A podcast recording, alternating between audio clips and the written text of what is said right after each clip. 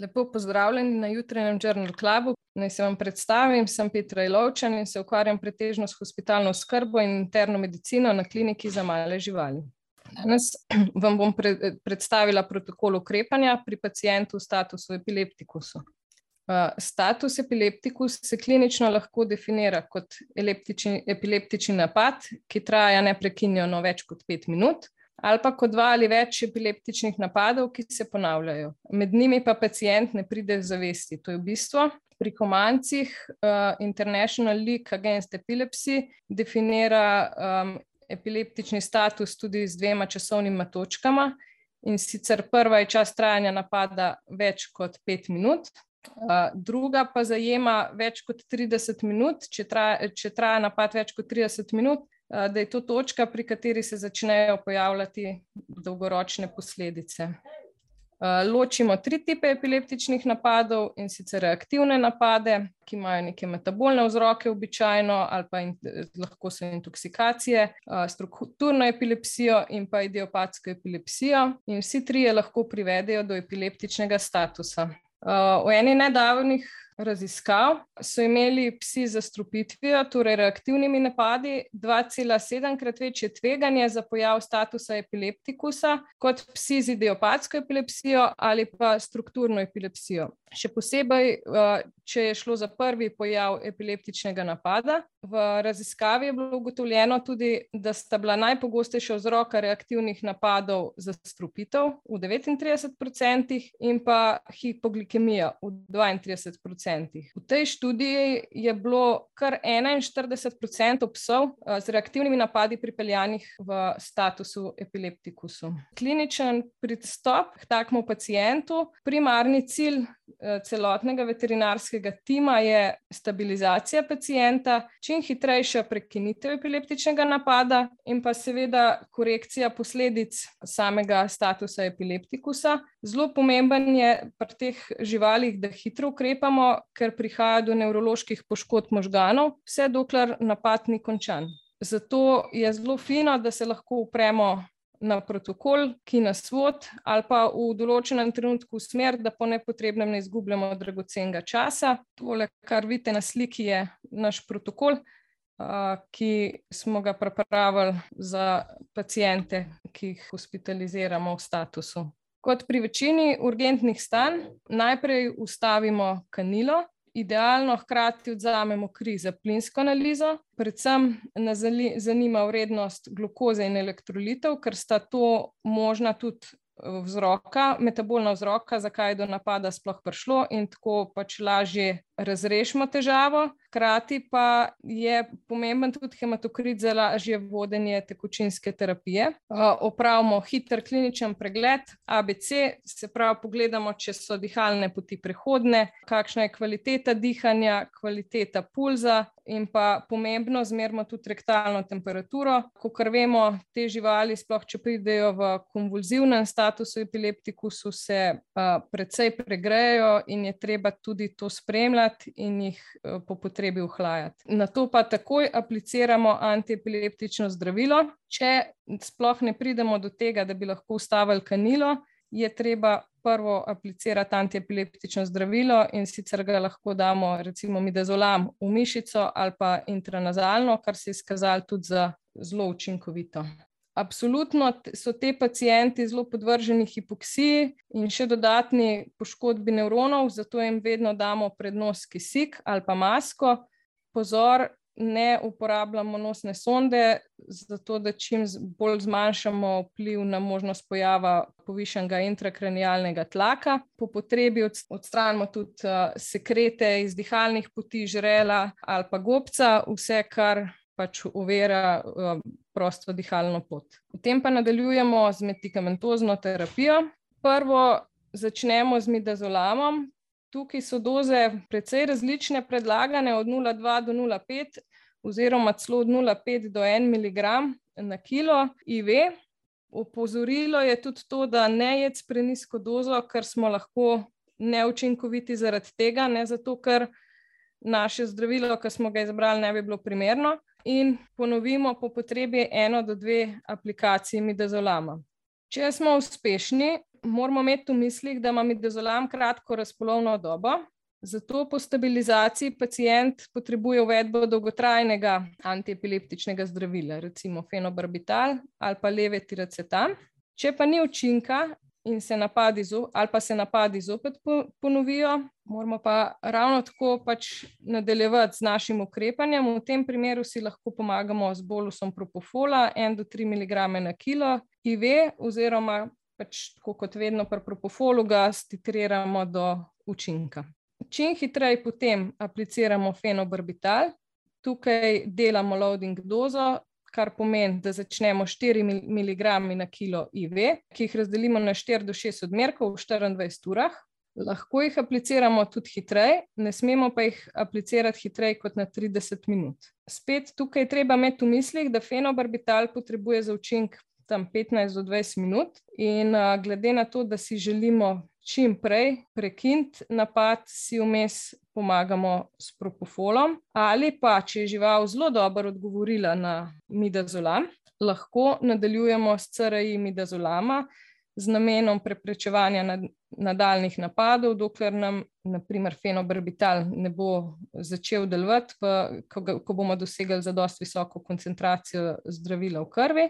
Pozorni moramo biti tudi na to, da lahko povzroča močno cerebralno depresijo, tudi hipotenzijo in pa respiratorno depresijo, zato pač je pomemben monitoring takega pacijenta. Male razlike, če imamo pacijenta, ki je že na terapiji z epifenom, v bistvu razlika je samo v tem, da je zelo smiselno odzeti preden dodajamo kakšno dolgotrajno antiepileptično zdravilo, kriza določitev koncentracije v serumskem provetu brez gela in na to apliciramo fenobarbital 4 do 6 mg na kilo IV. Zdaj, kar je zelo pomembno, je to, da uh, moramo biti previdni pri jeternih obolenjih, ker se metabolizira skozi jedra, zato je pri takih pacijentih uh, bolj varno izbrati leve tiracetam. Zdaj, če se pa odločimo, oziroma če imamo pacijenta z jetrnimi obolenji, pa lahko začnemo tudi z leve tiracetamom. Uh, doza je 30 do 60 mg IV v 5 do 15 minutah, na to pa nadaljujemo z državalno terapijo 20 do 30 mg na kilo IV ali pa peroz, pač odvisno od stanja našega pacijenta. Ta je primernejši, kot smo že rekli, pač za bolnike z jedrnimi obolenji in pa tudi za zelo deprimirane pacijente, ker ima manj globokih sedativnih učinkov.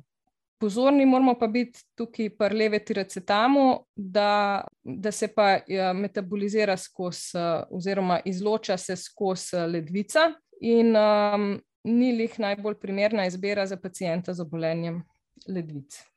Če se napadi nadaljujemo, nadaljujemo tudi mi z našo terapijo. In sicer gremo običajno na CRI, propofola, začnemo z bolusom 1 do 2 mg na kilo IV, na to pa nadaljujemo s CRI-jem 3 do 36 mg na kilo na uro. Pač stitriramo oziroma zberemo najnižjo hitrost, pri kateri dosežemo učinek torej, da ni videti kliničnih napadov. Pomembno je, da uh, spremljamo krvni tlak.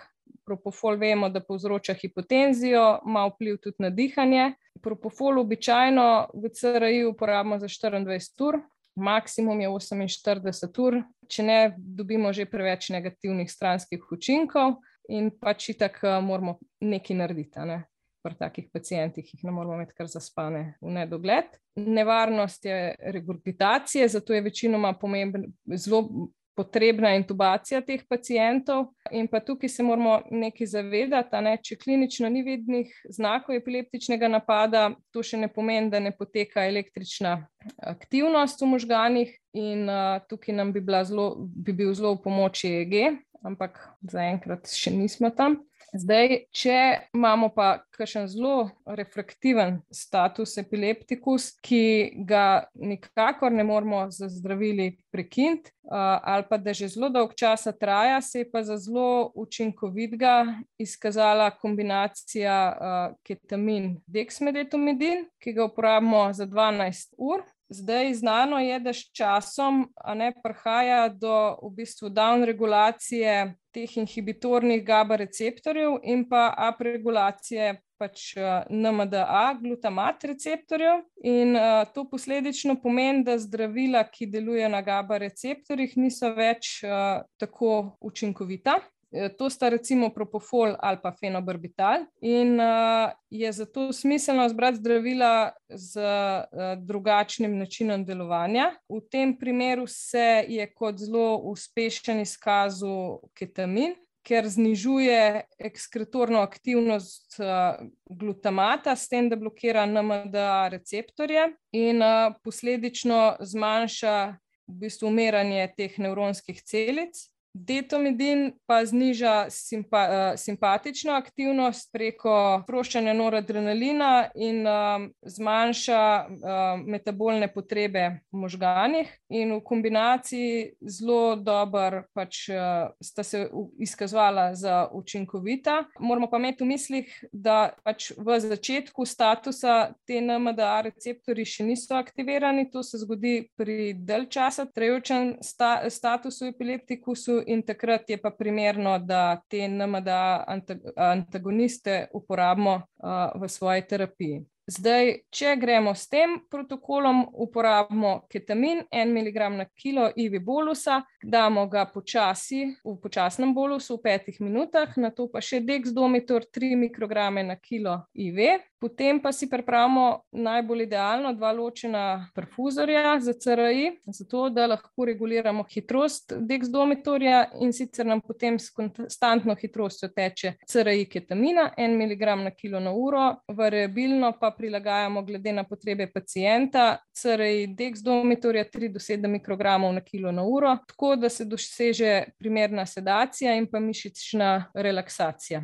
Zdaj, to sem že omenila, to so opcije drugih, in po tem času, a ne mogoče to primerno, da omenim, po 12 urah CRI-ja, ketamina ali pa dexdomitorja ali pa 24 urah propofola začnemo pacijenta zbujati in vidimo, koliko smo bili uspešni z našo terapijo. Zdaj, če smo bili uspešni že po aplikaciji Midazolama, sem že prej rekla, lahko uporabimo uh, CRI Midazolama, kjer v bistvu so samo toksi sedirani, da še ohranjajo refleks požiranja in pa da pač najdemo neko ravnovesje med tem, da preprečujemo napade uh, in postopoma nižamo dozo. Spet imejte v mislih, ima kratko razpolovno dobo, zato po stabilizaciji nujno potrebujemo uvedbo dolgotrajnega antiepileptičnega zdravila. Ketamin je možen tudi kot samostojen lahko tudi v malo nižji dozi, ima neuroprotektivne koristi in pa pomaga prekiniti to vzdrževalno self-sustaining fazo. Stranski učinek tahikardija, hipertenzija, pač to poznamo in uh, je lahko koristen kot uh, dodatek zraven. Uh, opcija je še fenobarbital, CRI ali pa izofluran. A ja, pri ketaminu so bile včasih polemike, da zvišuje Eh, intrakranialni tlak in se ga zato ni uporabljal, ampak so bile narejene raziskave, da v nizki dozi nima vpliva na krvni tlak in ga ne povišuje. Zdaj, imeti moramo v mislih, da tudi obdobje ukrevanja, se pravi, ko se živali zbujajo, ko je napad končan, je za živali zelo naporno, so znemerjene, čutijo tesnobo In tukaj jim zelo pomaga dexdomitor v nizki dozi, 0,5 mikrogramov na kilo v bolusu, na to pa nadaljujemo lahko s CRI-jem, isto 0,5 mikrogramov na kilo na uro. Zdaj, če imamo slučajno napade v klastrih, to pomeni, da imamo dva ali pa več epileptičnih napadov znotraj 24 ur, vmes se pa zavest povrne, je bolj primerna pulzna terapija z levetiracetamom, 60 mg na kilo IV damo bolusu, na to pa nadaljujemo z 20 mg na kilo IV ali pa peros na 8 ur. In pa tukaj 48 ur po prenehanju napadov ga ukinemo in nadaljujemo s prejšnjo terapijo. Zdaj zelo pomemben je monitoring teh pacijentov, spremljamo krvni tlak in puls, telesno temperaturo, frekvenco, vzorc dihanja, če nimajo refleksa ali pa ga zgubijo refleks požiranja, moramo pač jih intubirati. Pozorni moramo biti na hidracijo živali, priporočljivo jih je tehtati en do dvakrat na dan. Žival obračati vsake 4 ure, idealno bi bilo celo na 2 ure, zaradi zmanjšanja možnosti ključnih atelektas. Praznimo mehur vsake 4 ure in pa namažemo oči ravno tako vsake 4 ure. Primerno je te živali tudi um, že dati v tak položaj, da imajo celo zgornjo polovico telesa dvignjeno za 30 stopinj, da imamo čim manj vplivov, ki bi lahko vplivali na povišanje intrakranialnega tlaka, kletke jim oblazinimo, držimo se tega, da ne odzemamo krvi, res se tega izogibajte, odzemom krvi iz jugularne vene, ne uporabljamo nazogastričnih sond ali pa nosnih kisikovih eh, katetrov. In če je potrebna intubacija, si lahko pomagamo z iveli dokainom, da zmanjšamo refleks kašla. Zaščita možganov med stabilizacijo je pri teh pacijentih, to se moramo res zavedati, uh, ključnega pomena, uh, saj lahko status povzroči posledice, kot so možganski edem, nekroza nevronov in pa zvišen intrakranialni tlak. Zato je zelo fajn, da tudi tehniki poznajo možnost pojava kušingovega refleksa. Se pravi, če se poleg bradikardije pojavi še hipertenzija, obstaja velik sum na povišenje intrakranialnega tlaka in je pač v tem primeru smiselno ukrepati, lahko z manitolom ali pa s hipertonično raztopino. Zdaj, tudi analiza krvi je pomembno diagnostično orodje pri pacijentih, ampak šele, ko jih imamo pač v osnovi že stabilizirane, pa seveda pač v tistem prvem, prvi oceni. Predvsem je pomembno ocenjevanje ravni glukoze, natrija pa kalcija. Pogosto je lahko že vzrok hipoglikemija ali pa posledično zaradi napadov pride do hipoglikemije, lahko pride do hipokalcemije, hipohipernatremije in je pač pri teh živalih potrebna korekcija. Zaradi hipoksije, hipotenzije lahko pride do povišene uh, vrednosti jeternih encimov, hipovolemija lahko povzroči zvišanje ledvičnih vrednosti. Če so bolniki uh, v konvulzivnem statusu epileptikusu, pa seveda pride tudi do povečanja mišičnih encimov in če je bila težava recimo z respiracijo, da prihaja do nekega začetka z aspiracijo regurgitirane vsebine, da prihaja do nekega začetka pljučnice, lahko pride tudi do sprememb v številu belih krvnih celic. Tako da tudi to je ena od zadev, ki jih je treba spremljati. Ko je pacijent stabilen, naredimo MRI ali CT, ki nam pomaga ugotoviti strukturne spremembe ali pa poškodbe, ki so lahko vzrok ali pa posledica napadov. Na magnetni resonanci se lahko pojavijo lezije v piriformnih ali pa temporalnih režnjih, tudi kot posledica statusa, ampak potem, ko je pacijent brez napadov, izgine v desetih dneh do osemnajstih tednih. Kar je mogoče kle imeti še za umislih, pacijenti z nekonvulzivnim statusom epileptikusom so v stuporoznem in ali pa neodzivnem stanju, lahko imajo samo subtilno trzanje, ni pa niti nujno. In uh, pri takem pacijentu, ne, če to traja recimo več kot 30 minut, pa so taki čist komatozni, treba pomisliti tudi na to in pač ustrezno terapirati kot status epileptikus. Težko je razlikovati tudi ponovitev aktivnosti od normalnega ukrevanja po sedativih, ko se zbuja poškodujejo, lahko ravno tako trzajo. V tem primeru bi zelo pomagala preiskava EEG za boljšo diagnostiko in pa vodila do, tudi do pravilnega zdravljenja posledično. Ne. Zdaj, kot povzetek,